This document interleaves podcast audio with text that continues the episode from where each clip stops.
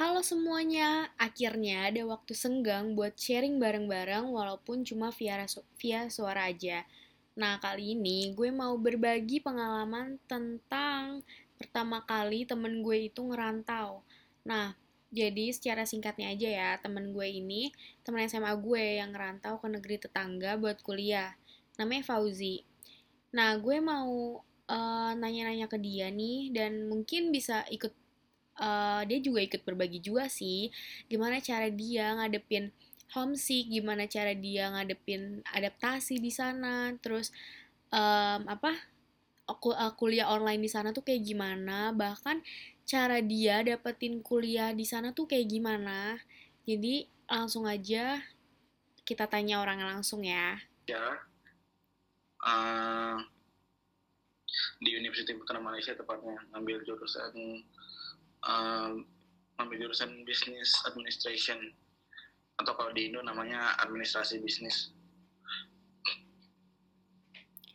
Nah, kan lu tuh tinggal di negara orang kan. Gimana cara lo nge-survive hidup lo pas awal-awal lo pindah ke sana?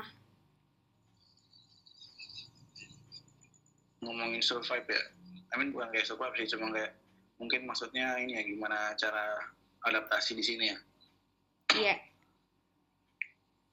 Um, gimana ya? Kalau adaptasi sebenarnya nggak terlalu berbeda sih.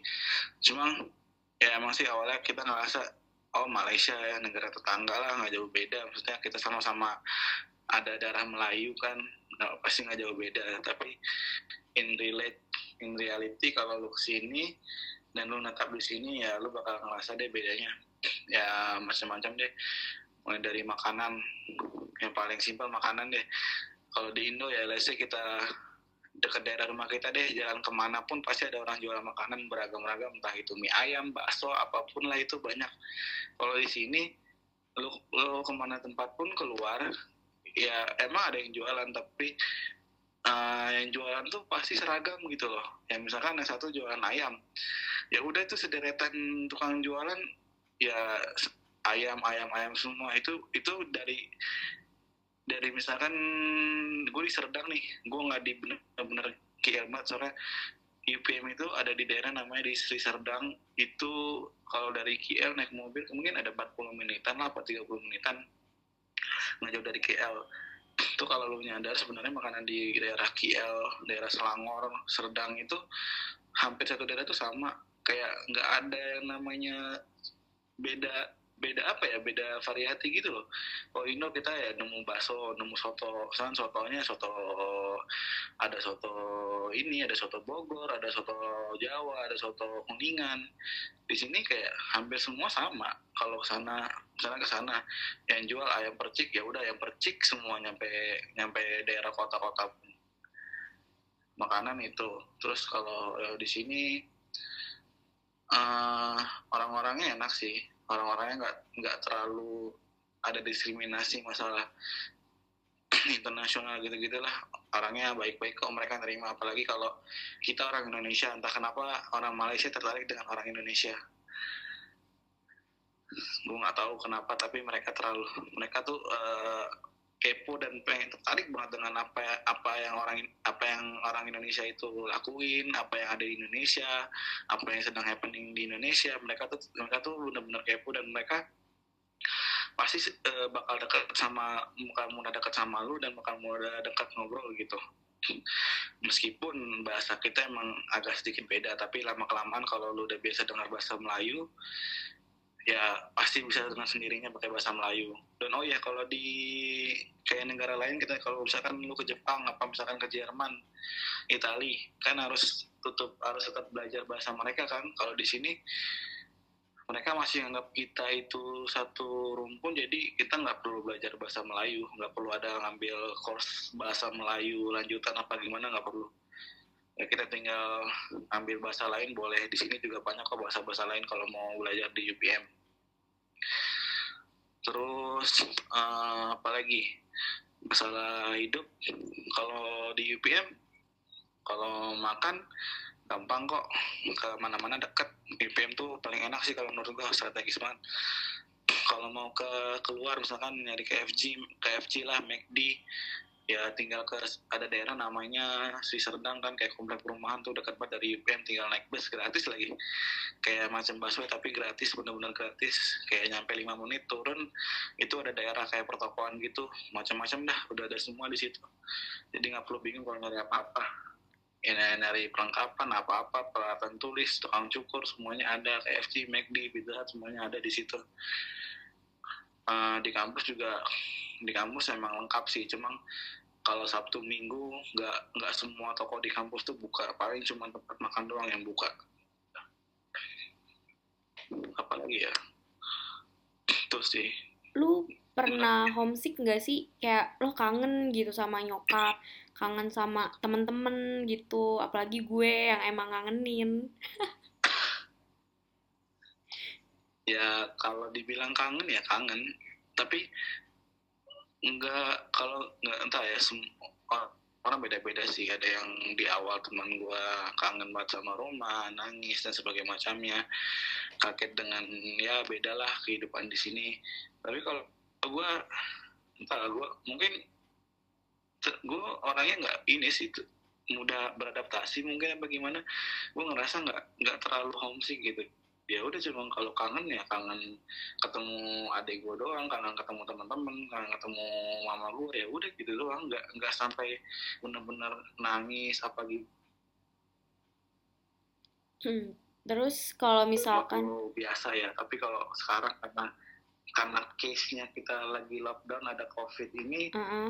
Billy bener-bener kangen sih karena karena ya gimana ya meskipun jauh meskipun kita jauh misalkan bebas di sini tapi tetap aja kayak pasti kangen lah. Yang namanya kayak gini kan lagi huru hara banyak yang aneh-aneh kita pasti pengen deket keluarga lah biar lebih aman. Tapi ya balik aja balik aja sekarang lagi susah sih. Banyak macam-macam. Lah kalau mau pulang sekarang?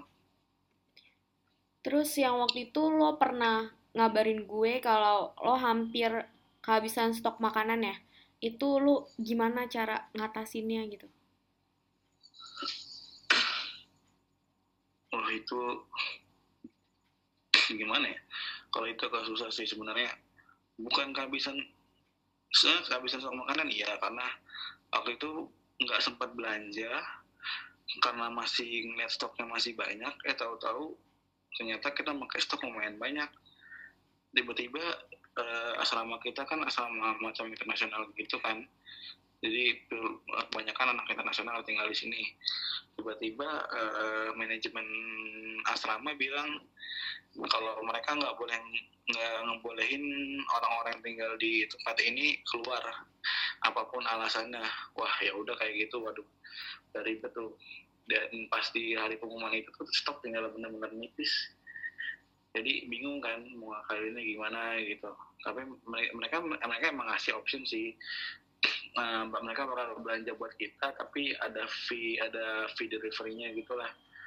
Cuma kayak kalau nitip banyak-banyak pun kadang mereka nyarinya ya ya udah nyarinya seenak mereka gitu. Kalau kita kan belanja sendiri kayak oh yang ini lebih murah oh yang ini lebih bagus yang lebih lebih worth it lah.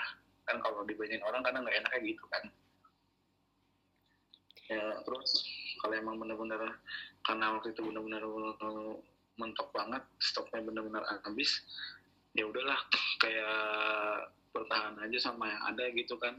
Yang ada dicoba dihabisin dulu sambil nunggu kan. Terus kalau emang perlu banget perlu misalkan perlu telur apa gimana kita carilah sama tetangga. Tanya e, ada yang punya ini enggak kalau punya minta dong. Ya udah minta gitu sama tetangga kayak gua gua kalau ini sering main sama ini sih uh, dia anak S2 research namanya Karindu kalau apa kalau misalkan kurang bahan kayaknya gue biasanya ke sana sih tanya ketok assalamualaikum bang ada ini enggak uh, telur apa gimana? Aku butuh telur. Ya kurang. Nanti kalau dia butuh nasi juga dia ke kamar kayak gitu sih. Tapi sekarang ya alhamdulillah udah dibuka lagi. Maksudnya kita udah boleh keluar. Malaysia udah instead macam PSBB lah. Kan kemarin lockdown sekarang kita udah benar-benar kayak PSBB ini like kita boleh keluar gitu boleh boleh udah boleh beli mana-mana gitu. Tapi tetap pas pakai masker dan sebagai macamnya. Kereta juga udah ada bus udah mulai aktif lagi udah udah lancar semua sih. Cuma yang jadi masalah sekarang uh, harga tuh lagi pada naik semua. Entah kenapa tiba-tiba harga bahan makanan makanan itu lagi berat naik. Ini dalam waktu dua hari tiga hari ini kalau nggak salah. Hmm, terus uh, kan sekarang nih kalau gue lagi ngalamin kuliah online ya. Nah, lo gimana di sana tuh kuliah online-nya tuh kayak gimana? Atau ada alternatif lain gitu selain kuliah online? hmm, sebenarnya gini sih. Kuliah online sini ada cuma uh, UPM agak sedikit telat sih. Kenapa? Uh, alasannya gini. Beberapa kampus lain tuh udah udah tahu kabar kalau misalkan emang kuliah bakal di onlinein sampai Desember itu berdasarkan peraturan dari IPT IPT itu macam diktinya Malaysia lah oke jadi ada surat uh, edaran dari diktinya Malaysia bilang kalau kita semua kampus swasta negeri nggak ada terkecuali harus semua ngikutin peraturan bikin online class sampai Desember. Nah, hmm. tapi in reality cuma beberapa kampus swasta dan negeri yang masih yang benar-benar langsung nurutin gitu langsung oke okay, kita sampai Desember. Kampus kayak USM University Science Malaysia terus kemarin teman gue di Lombok juga bilang juga sama Lomboknya juga kayak gitu. Class sampai Desember katanya. Uh, kampus gue termasuk kampus yang salah satu gimana ya ngomongnya kurang tegas sih kurang tegas ngasih peraturan. Jadi ketika edaran itu kampus gue masih kayak in ya kasarnya bingung gitu loh. Ini ini kita mau mana nih? IPT IPT bilang disuruh online class sampai ini. Tapi ntar online class gimana online class nanti gimana? Emang semuanya bisa ngendal. Terus nanti kita ulangan akhir semester gimana? Karena katanya dengar kabar ada guru yang nggak terima dosen ya dosen nggak terima kalau anak-anaknya itu online class apa online tes gitu karena takutnya nggak murni dan sebagainya macamnya kayak wah cuma gara-gara itu jadi kayak ribet lah semuanya diundur diundur diundur. Akhirnya online tes gue jadi agak telat. Jadi UPM sekarang masih masuk minggu ke 8 kalau di Indo tuh gue denger-denger udah pada udah mau dekat UAS gitu. Kita nih lagi masih week 8 masih week 8 kelas tugas tuh bener-bener lagi numpuk sumpah ini tugas gue ada tiga. Satu kelar dua lagi lagi gue planning dulu lah kalau yang lain juga lagi kayak gitu semua kan. Tiba-tiba ditemukan tugas terus terus sekarang katanya sih sekarang kemarin udah kemarin UPM udah tegas sih udah tegas tapi masih kurang menurut gua. Mereka terus gimana Jack? Um, apa namanya? Suasana lo di sana pas lebaran pas puasa sepi gak sih? Terus karena kan yeah. yang gue tahu ya temen lo juga udah balik tuh ke Indo ya kan? Nah lo tuh kan masih di sana. Jadi gimana? Lo sepi atau ya biasa aja gitu? Ya biasa aja sih menurutnya kalau gua ya ini depend orang sih. Ada yang ngerasa lonely ada yang ya biasa aja. Gua nggak terlalu ini sih kayak kalau kesepian ya nggak tiap hari sih. Karena kayak sekarang ini gua ngomong podcast ini lagi ada di luar sih lagi di ya di dekat tempat inilah parkiran gitu. Karena di dalam kamar lagi rame. Ada teman gue lagi nginep kan. Dia internetnya mati di college. Ya kalau belum tahu tuh di uh, eh, UPM kalau kalian kuliah di sini uh, itu ada nanti kalian ada boleh tinggal di luar ya imin kayak di luar kampus. Terus ada yang tempat-tempat di, di dalam kampus kayak gue kan KMR namanya itu kayak semacam asrama dari di dalam kampus tapi punya punya ini swasta. Dia jadi fasilitasnya lebih bagus dikit lah. Terus ada juga college namanya college tuh ya biasanya anak-anak lokal itu tinggal di college tuh kalau mau yang mau tahu akomodasi di UPM gimana? Ya kalau sepi ya benar. Nggak kalau balik ke, ke bilang sepi apa enggak ya? Ya kalau dibilang sepi sekarang sepi banget sih di kampus. Ya gimana gitu? Kampusnya orang-orang udah pada di ini kayak teman-teman gue yang yang ini deh yang lokal itu udah pada dipulangin semua berapa udah hampir semua malah dipulangin. Kemarin ada yang kemarin terakhir omongan pulang itu yang yang mereka yang tinggal di Sabah Sarawak. Sabah Sarawak tuh bagian Malaysia ada. Itu mereka kemarin baru dipulangin itu mereka disediain pesawat disediain bis sampai ke bandara itu mereka udah pada dipulangin semua. Jadi yang di dalam di tempat-tempat ini tuh tinggal dikit sih beberapa orang. Mungkin kalau dihitung nggak paling cuma seribu lebih lah nggak nyampe ini. Seribu atau mungkin nggak nyampe seribu. Karena ya udah pada balik semua.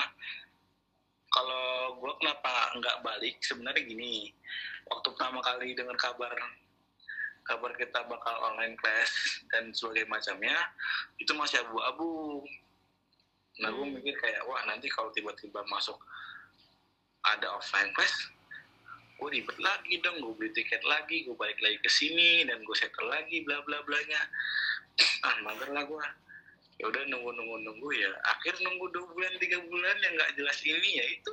Peraturannya nggak jelas jelas dan nggak tegas tegas akhirnya gue kejebak di sini. Ya tapi untungnya masih ada tem beberapa teman lah di sini. Jadi masih kayak ini masih ada teman buat ngobrol buat ini teman-teman yang di Indonesia juga alhamdulillah teman-teman gue baik-baik ya. Ini juga Arin teman yang paling baik nih ya. Suka nanya kabar gue masih Ya, sehat ya baik teman ya alhamdulillahnya gitulah ada teman-teman baik yang di sekeliling gue jadi gue nggak terlalu sepi rasanya oke. Okay. Terus gimana nih um, saran lo buat temen-temen ya di bawah kita berarti yang nanti mau mencoba gitu ngerantau tapi agak jauh agak jauh dikit gitu. Kalau misalkan ngerantau ke Jawa itu kan udah biasa ya kan.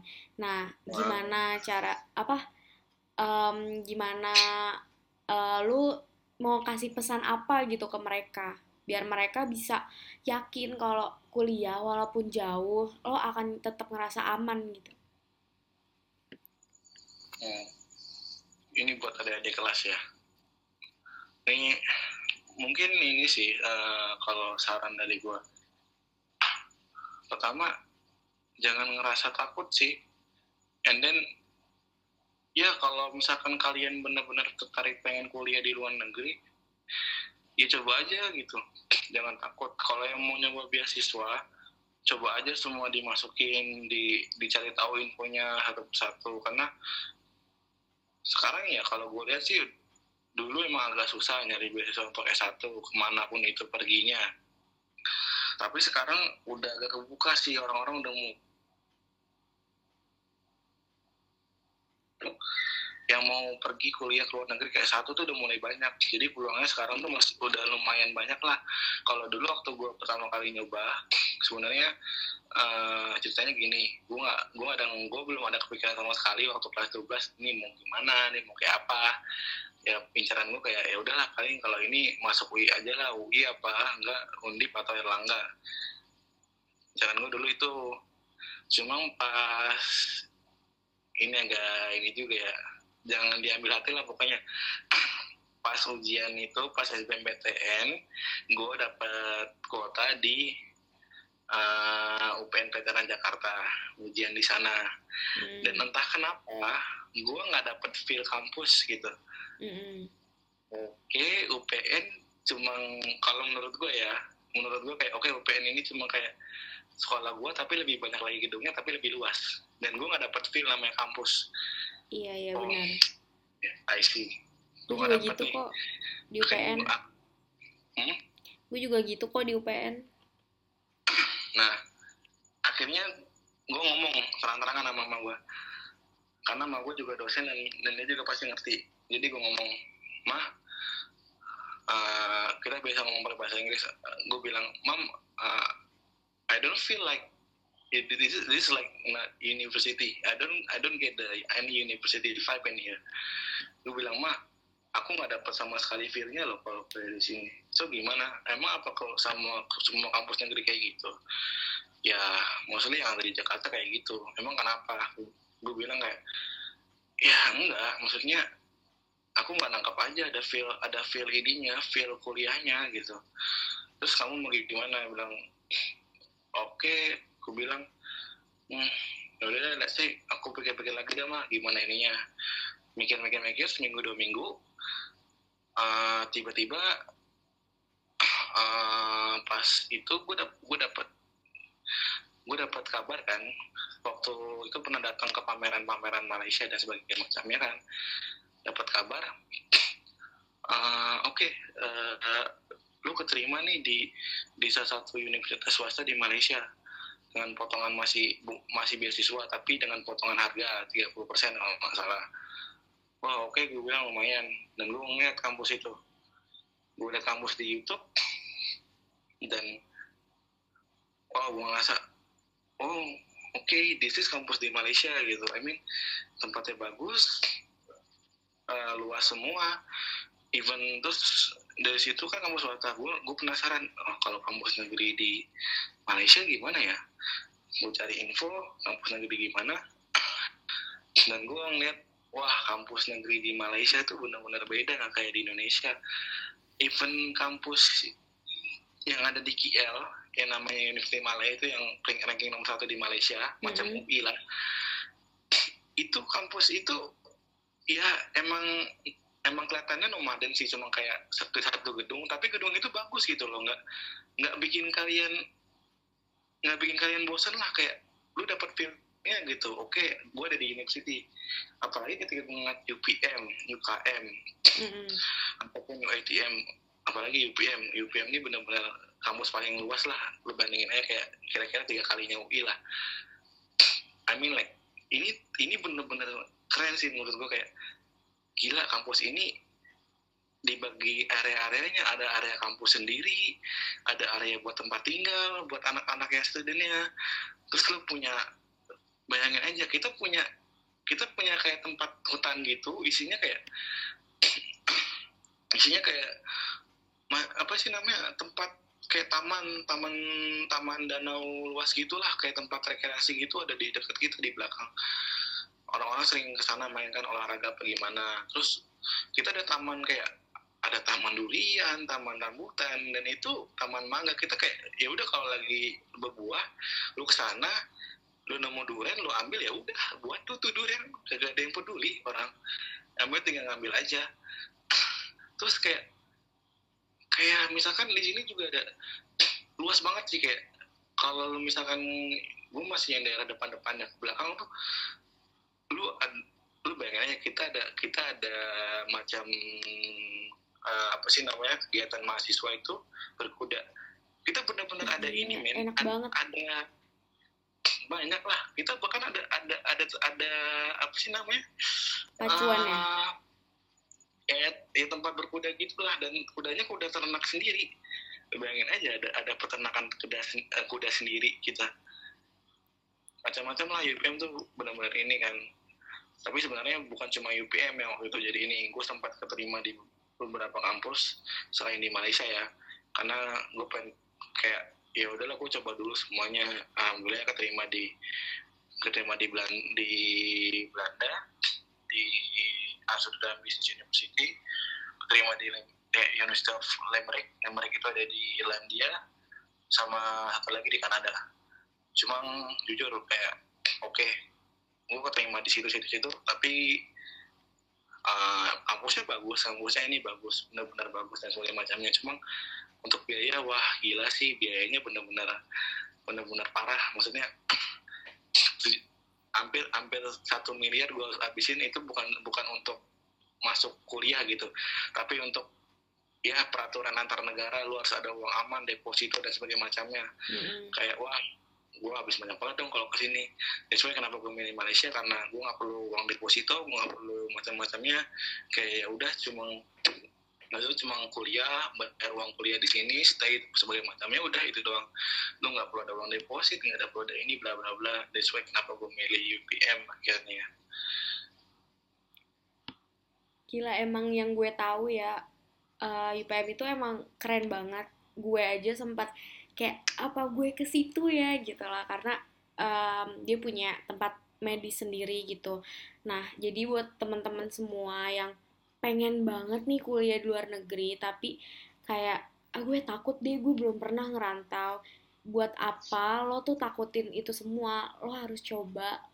Gila itu keren banget.